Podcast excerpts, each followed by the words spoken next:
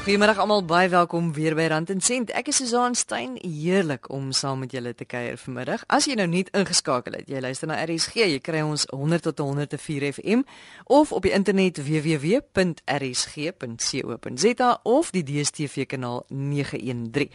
Vandag fokus ons net op twee onderwerpe. Die een is Jy werk vir 'n groot maatskappy, jy moet gereeld in Afrika gaan reis vir werk. Wat moet jy weet ten opsigte van versekerings? Want glo my, jy wil nie graag op reis gaan sonder versekerings en iets gebeur met jou nie, veral nie as jy op 'n plek is wat nie maklik toeganklik is nie. En hoe gemaak as jy op medikasie is, want jy wil ook nie graag hê iemand moet dink jy smokkel dwelms nie. En wat as jy ontvoer word. Nou van hierdie wenke geld ook nie net vir reis in Afrika of vir werk nie, want uh almal wat reis kan gerus luister. Uh ook as jy tot dusver nog net gedroom het van reis, want jy weet nooit wanneer jou droom waar gaan word nie. Dan in die tweede helfte van ons program praat ons oor boedels en hoe noodsaaklik dit is om jou boedel te laat ontleed en presies wat dit alles behels. Nou net voordat ons wegval, ek het verlede week gevra dat 'n finansiële adviseur ons asseblief moet kontak. Baie dankie almal wat geskryf het. Ek wou vyf goed weet wat ons moet weet wanneer ons 'n adviseur kies. Nou volgende Sondag gaan ons daaroor gesels. Vandag eers aan die woord is Annelie Smith. Sy is van Risk Benefit Solutions of RBS. Hulle is versekeringsmakelaars en uh, Annelie, jy sê daar's belangrike goed wat ons moet onthou wanneer ons vir sake gaan reis veral in Afrika. Wat is dit? Ek dink die belangrikste goeders wat um, die mense na moet kyk is om 'n ramperselsprogram in plek te hê vir hulle mense wat in Afrika toe ingaan. En in hierdie ramperstelprogram gaan jy natuurlik na die verskillende risiko's kyk in die verskillende lande na waartoe hulle gaan. En dit is die beginpunt waar die mense dan kan identifiseer wat hulle nodig het in daai land. Elke land is anders en elke gedeelte binne die land is anderste. So as jy na Sudan kyk byvoorbeeld jy gaan anders te jouself voorberei as jy na Suid-Sudan toe gaan as wat jy na Noord-Sudan toe gaan. Byvoorbeeld, die politieke onrus in Suid-Sudan is baie meer hoog as in Noord-Sudan. As jy jou, jou reispolis uitneem en jy neem dit uit by 'n sekere versekeraar wat dalk 'n Amerikaanse versekeraar is, gaan daai versekeraar nie vir jou dekking in Suid-Sudan gee nie want hulle het sanksies teen Suid-Sudan op hierdie oomblik. So dis nie net van ek gaan nou Sudan toe en ek kry my goedjies en daar's ek op die vliegtyg nie. Dit is maak seker jou reisversekering is reg. Maak seker jy verstaan jou polis en jy verstaan al die goederes wat nie gedek is nie. Soos byvoorbeeld jou kan dit nou net in Engels sê pre-existing conditions. As jy byvoorbeeld 'n hartaanval of hartprobleme het op hierdie oomblik, dan kan baie van die polisse dit outomaties uitsluit. So as jy nie jou polis deurgaan en verstaan wat se dekking jy het nie, dan is jy baie op jou eie in die land as iets met jou gebeur. Maar dit geld vir reis na na enige plek in die wêreld. Basies. Definitief. Maar Annelie, ek gaan nooit deur daai polisse nie. Ek mense van die tyd as jy dit oor die internet koop, gaan niemand dit vir jou sê nie. En as jy dit koop as jy jou kredietkaart gebruik, as jy jou vliegtuigkaartjie koop, gaan niemand dit vir jou sê nie. So dit is ook met belangrik is dat jy met 'n makelaar werk wat vir jou daai punte kan uitwys sodat as jy uh, wel reis, jy dit verstaan voor die tyd. Weet, partykeer dink mense nie eers daaraan om daai polis dokument saam te neem sodat ek die noodnommers daarop gehelp het as iets met my gebeur nie.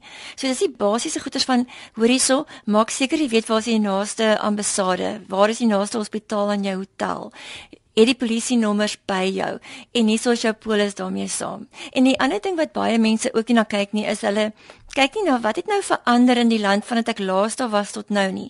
So hulle sê nou ons was in Nigerië verlede week. In Nigerië hierdie week is weer oukei, okay, maar dalk het daar intussen 'n politieke onrus gebeur in Nigerië. So nou eweskielik moet jy iemand hê wat jou by die by die lughawe optel. So mense raak partykeer blasé om te sê al oh, ek was daar. So hoekom moet ek nou verder daar worry in plaas van om te gaan identifiseer elke keer wat kan in daai land met my gebeur? En waar maak 'n mens seker van daai feite? Weet jy daarso sodra jy jou reispolis koop, is daar bystandmaatskappye wat jou gaan as jy nou byvoorbeeld 'n hartaanval kry wat jy uit die land uit gaan kry. Nou wat daai bystandmaatskappye vir jou gee is om binne in hulle websites te kan ingaan en jy kan al hierdie dinge van die websites aftrek. Dit is eintlik amazing hoeveel websites vir jou al hierdie inligting gaan gee. So jy moet net die regte plekke gaan soek waar jy dit outomaties gaan kry is op jou reisversekering waar dit beskikbaar vir jou gaan wees. Elke versekeringsmaatskappy wat jy gaan gebruik, gaan vir jou 'n ander bystandsmaatskappy gee en gaan jy ander advies kry, maar op die einde van die dag gaan almal dieselfde tipe van advies vir jou gee. So wat is dan nou die regte stappe om te volg wanneer ek op reis gaan? Baie belangrik om as jy dit jou kredietkaart gebruik het om jou polis deur te lees en as jy enige vrae het om die versekeraar op jou polis te skakel en al jou probleme met hom te bespreek. Want as sodra jy hierdie polis lees, gaan daar dinge opkom soos as jy onder die invloed van alkohol is, gaan jy polis nie betaal nie. As jy onder invloed van drugs is, gaan jy polis nie uitbetaal nie. As jy pre-existing conditions het, gaan jy probleme hê. As jy na sekere lande toe gaan waar die UN heidaglik is, gaan jy probleme hê. So dis baie belangrik, lees jou polis, punt 1 dan bel die versekeraar of jou makelaar en vind uit wat jy kan doen om daai probleme wat jy opgetel het te kan hanteer. As jy 'n makelaar het, gaan daai makelaar vir jou dit vooruit vertel en vir jou sê sodra jy vir my laat weet jy gaan nou Somalië toe, dan gaan ek vir sê oh, dit is 'n groot um, ontvoeringsland. Uh, hieroor en hieroor en hieroor is ek ge-worried. Onthou net jy het nie dekkings daarvoor nie, so doen die volgende goeders om seker te maak jy's veilig. En in die meeste gevalle veral as jou executives oorgaan, gaan ek vir jou sê luister, kom ons koop vir jou ontvoeringsversekering, want nou moet jy jou jouself as jy nou ontvoer word, gaan iemand jou familie of jou maatskappy kontak en jy moet kan jouself uit daai posisie uitkry. So jy wil iemand hê wat vir jou gaan fight om jou uit daai ontvoering uit te kry. En net om vir jou voorbeeld te gee as jy iemand wil inkry hulle noem hulle self die negotiators om jou te vry vir jou vrylating te veg kan hulle tot 'n miljoen rand 'n dag vra. So dis hoekom baie van die gevalle gebeur dat hier na 6 maande dan is daar nie meer geld om vir daai persoon te betaal nie en dan bly die persoon nou in in in die gevangenskap. Die ander risiko's, jy het nou gepraat van ontvoering en en en so aan, maar ander risiko's wat verbind word met sakereise in okay. Afrika. Veral polities en jou terrorisme en natuurlik die oorlog wat aan en af in sekere lande gebeur. So is baie belangrik om dit te verstaan wat jy gaan inloop, want sodra daar daai oorloë en uh, politieke goeders gebeur, dan gaan jou mediese kostes en jou mediese fasiliteite uh, gaan dadelik dan verander. So nou wil jy moet jy ook verstaan, moet ek nou my eie medikasie saamneem? Byvoorbeeld as ek na 'n Kongo toe gaan, want hulle het dalk nie soveel mediese fasiliteite wat na my gaan kyk as ek iets oorkom nie, so vat medikasie saam. Maak seker dat jou dokter 'n brief skryf om te sê dat jy daai medikasie mag gebruik en oor die grens mag neem. Waarheen gaan jy as jy 'n uh, groot ongeluk was byvoorbeeld? Wil jy regtig in die Kongo in 'n hospitaal lê of wil jy eerder uit daai land uitgeneem word na Suid-Afrika toe waar die mediese fasiliteite beter is? Ons het byvoorbeeld ehm, 'n um, geval of twee gehad van CEOs van maatskappye wat siek geword het in lande waar hulle nie wil wees nie, maar ons kry hulle nie uit nie. So ewe skielik word jou kostes van waar dit dalk sê 'n miljoen rand sou gekos het om jou uit te kry en jou gesond te kry, kos dit nou 5 miljoen rand want nou moet jy in daai haglike omstandighede bly tot ons iemand kan kry om jou daar uit te gaan kry en intussen gaan jou mediese kostes in dollars 10 teen 1 op. So dit is die ander 'n groot probleem wat mense miskyk. Is hulle koop 'n randpolis met hulle kredietkaart en hulle dink 10 miljoen rand is baie dekking. In dollars is dit baie min. So as jy by 'n makelaar 'n polis koop, gaan jy jou kleinste dekking wat ons vir jou gaan offer is 75 miljoen. Want as jy dit na dollar of euro of pound toe vat, dan is jy baie meer gemaklik met die dekking wat jy het. So ons sê altyd moet nooit in rand dink nie, nê? Maar geld dit nou net vir vir sake mense of geld dit nee. vir vir individue ook wat net gaan vakansie hou? Vir almal. Enige iemand wat wat oor 'n grens gaan, moet daai dinge in ag neem. Onthou net dit maak nie regtig 'n verskil of jy nou daar op, vakansie is en jy is die CEO van 'n groot maatskappy en of jy daar is 'n besigheid nie. Jy dieselfde gaan nog kan nog steeds met jou gebeur en al is jy op vakansie en as iemand jou wil ontvoer oor jou maatskappy vir wie jy werk of die naam wat jy het, gaan hulle dit nog steeds doen maak nie saak of jy op besigheid of op vakansie is nie. Maar waar gaan 'n individu nou daai soort van geld kry om sulke groot polisse uit te neem? Op jou ontvoeringssoort van polisse sien jy met jou saam meeste individue sal dit nie koop nie. Daar is wel klein dekkings op die reispolis beskikbaar, maar dit is minimaal. Ek praat van 'n miljoen rand se dekking en dit gaan nou jou nou nie veel ver bring as jy vir 2 jaar in gevangenskap is met 'n ontvoering nie. Maar weer eens hulle kan die makelaar skakel en ons kan vir hulle verskillende opsies uitwerk. Daar is obviously 'n duurder opsies, so as jy nou byvoorbeeld 'n hele jaar se polis wil uitneem vir al jou mense wat reis, dan is dit 'n goedkoper polis as wat jy vir al jou staf wat in Suid-Afrika ook is polisse uitneem. Of as jy net vir 'n spesifieke reis wil uitneem, dan kan jy dit ook so doen. So dan kan jy jou kostes minder maak. Behalwe al die goed wat jy genoem het, is daar nog enige voorsorgmaatreëls wat 'n mens moet seker wees in plek is vir die verskillende streke wat jy wil besoek? Ek dink die belangrike ding wat baie mense vergeet, is om reëlings te tref met jou mense terug by die huis. Wat gaan gebeur as julle nie van my hoor nie? Wat moet julle doen? Jy weet so nou hoor jy nie van die persoon vir 2 of 3 dae nie en jy dink nee dit is aanvaarbaar want hy is dalk in vergaderings. Maar jy moet met jou maatskappy en by die huis dinge so kan reël dat sê as ek as jy van my nie hoor teen 6 uur nie probeer my op 'n ander manier kontak want daar is dalk 'n probleem. Maak seker dat daai dinge in plek is as 'n oproep inkom van 'n ontvoerder af. Wat gaan dan gebeur? Want baie maatskappye maak die fout om te dink wel dit gaan nie gebeur nie. En dan gebeur dit en dan weet niemand wie om te bel nie of hoe om te hanteer nie. Moet hulle die polisie in die hande kry moet hulle nie die polisie in die hande kry nie. So dit is vir my uh, is vir my baie belangrike punt. Jy weet uh, vertel vir jou familie waar is jou hotel? Gee hulle die adres gee hulle die foonnommers.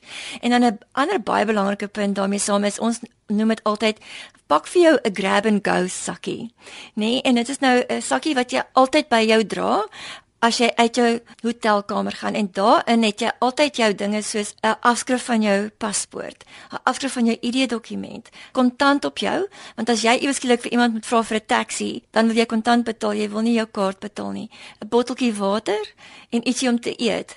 Want weet jy, dit kan jou partykeer deurvat na die volgende dag toe as jy ewe skielik hierso op 'n plek opland en daar's 'n tsunami en nou sit jy in 'n plek en jy het niks om te drink of te eet nie. So ek praat nie van 'n groot sak nie, ek praat van as iets gebeur, gryp die belangrikste goederes wat jy nodig het. Gebeur hierdie goed werklik? Het jy nou al voorbeelde hiervan gehad? Ek het nie dit spesifiek self gehad nie, maar baie van die bystandmaatskappye saam met wie ek werk, het dit op 'n daaglikse basis. Baie van die van die bystandmaatskappye offer ook oefenprogramme vir jou executive level mense dat hulle hulle voorberei oor wat hulle moet doen in sekere situasies. So ek het byvoorbeeld op een van dit gegaan waar hulle jou fisies leer oor jy is nou geontvoer, my hande is toegemaak, ek het 'n swart sak oor my kop gehad, ek is in 'n sinkdak dingetjie ingedruk met gewere en so aan oor hoe jy reageer in so 'n situasie want dit hang af van hoe jy of jy gaan lewe of jy nie gaan lewe nie. Jy weet, hoe moet jy jouself kom hanteer? Hoe moet jy jou ontvoerder hanteer? Hoe moet jy wat moet jy doen as daar 'n tsunami kom? Dit jy kan hulle kan nie vir jou presies sê wat om te doen nie, maar hulle gee vir jou 'n groot oorhoofse uitkyk van wat kan gebeur en dat jy nie paniekbevange raak in daai situasie nie. So sê Annelie Smith, sy is van Risk Benefit Solutions of RBS, hulle is versekeringsmakelaars hier in Kaapstad. Ek is Susan Stein en in die eerste deel van ons program het ons gepraat oor die risiko's van 'n reis in Afrika en hoe belangrik dit is om 'n goeie reisversekering te hê en seker te wees jy weet wat staan in daai reisversekeringspolis van jou. As jy weer wil gaan luister, gaan na rsg.co.za, dan klik jy daar op potgooi en daar kan jy weer luister of jy kan dit aflaai in MP3 formaat om later na te luister. Nou kyk ons na boedelontleding. Nou, julle weet nou al hoe baie baie belangrik dit is om 'n testament te hê. So al dink jy miskien jy het min, dan moet jy nog steeds jou testament hê. So Wat presies is boedelontleding en hoekom is dit nou so belangrik? Nicoline Skuman Lou is van Skuman Law ingelyf en sy verduidelik. Ek dink boedelontleding en boedelbeplanning moet tesame bespreek word omdat die twee so integraal aan mekaar verbind is. So die eerste stap natuurlik is om 'n testament te laat professioneel opstel en in daardie proses om seker te maak dat die boedel likwid is, met ander woorde dat daar genoeg kontant beskikbaar is indien u vandag te sterwe sou kom. So mens moet maar 'n berekening doen om te sien hoeveel beleggings is daar, hoeveel kontant is in die bank, hoeveel bates is daar wat uh, relatief maklik en vinnig in kontant omskep kan word. As mens dan nou kyk na laste, moet mens kyk ook na hoe die laste betaal gaan word. En 'n goeie manier om dit te hanteer is om te kyk na versekeringspolisse, soos byvoorbeeld lewensversekering. Vernaamlik wanneer dit kom met die betaling van 'n uitstaande verband, ook wanneer dit kom met langtermyn lenings wat vereffen moet word, nie noodwendig verbande nie, maar dalk iets soos 'n studielening of 'n persoonlike lening van een of ander aard. Mense moet ook natuurlik kyk na die uh belastingsimplikasies. Uh as iemand te sterwe kom, dan is boedelbelasting van toepassing. Die berekening moet gedoen word om te kyk as mens vandag te sterwe sal kom, wat sal die boedelbelasting implikasie wees? Nou dis 'n redelike gekompliseerde berekening wat plaas moet vind maar 'n professionele persoon, 'n prokureur, met deel van 'n finansiële beplanner of rekenkundige kan dit baie maklik bymekaar sit sodat mens presies kan sien wat die stand van sake is en dit in die beplanning van die boedel dan nou inwerk sowel as in die testament. Nicoline sê behalwe vir jou bates en jou laste, behels jou boedel natuurlik ook jou laaste wense. Wie wil jy hê moet daardie spesifieke bate erf? Wie kry byvoorbeeld die huis, die motor, spesifieke beleggings, jou besigheid, al die tipe bates en dan natuurlik laste. Daardie moet vereffen word, hulle moet betaal word. Soos daar nie voorsiening getref is dat versekeringspolisse daardie tipe laste dek nie, moet dit uit die kontant van die boedel kom. En weer eens, dit is hoekom dit so belangrik is om seker te maak dat mens presies weet wat is jou kontantwaarde, hoeveel kontant het jy beskikbaar teenoor jou laste. So, wat gebeur nou as jy gaan sit en jy doen jou somme en jy kom agter jy het nie genoeg kontant beskikbaar om al jou laste te dek nie.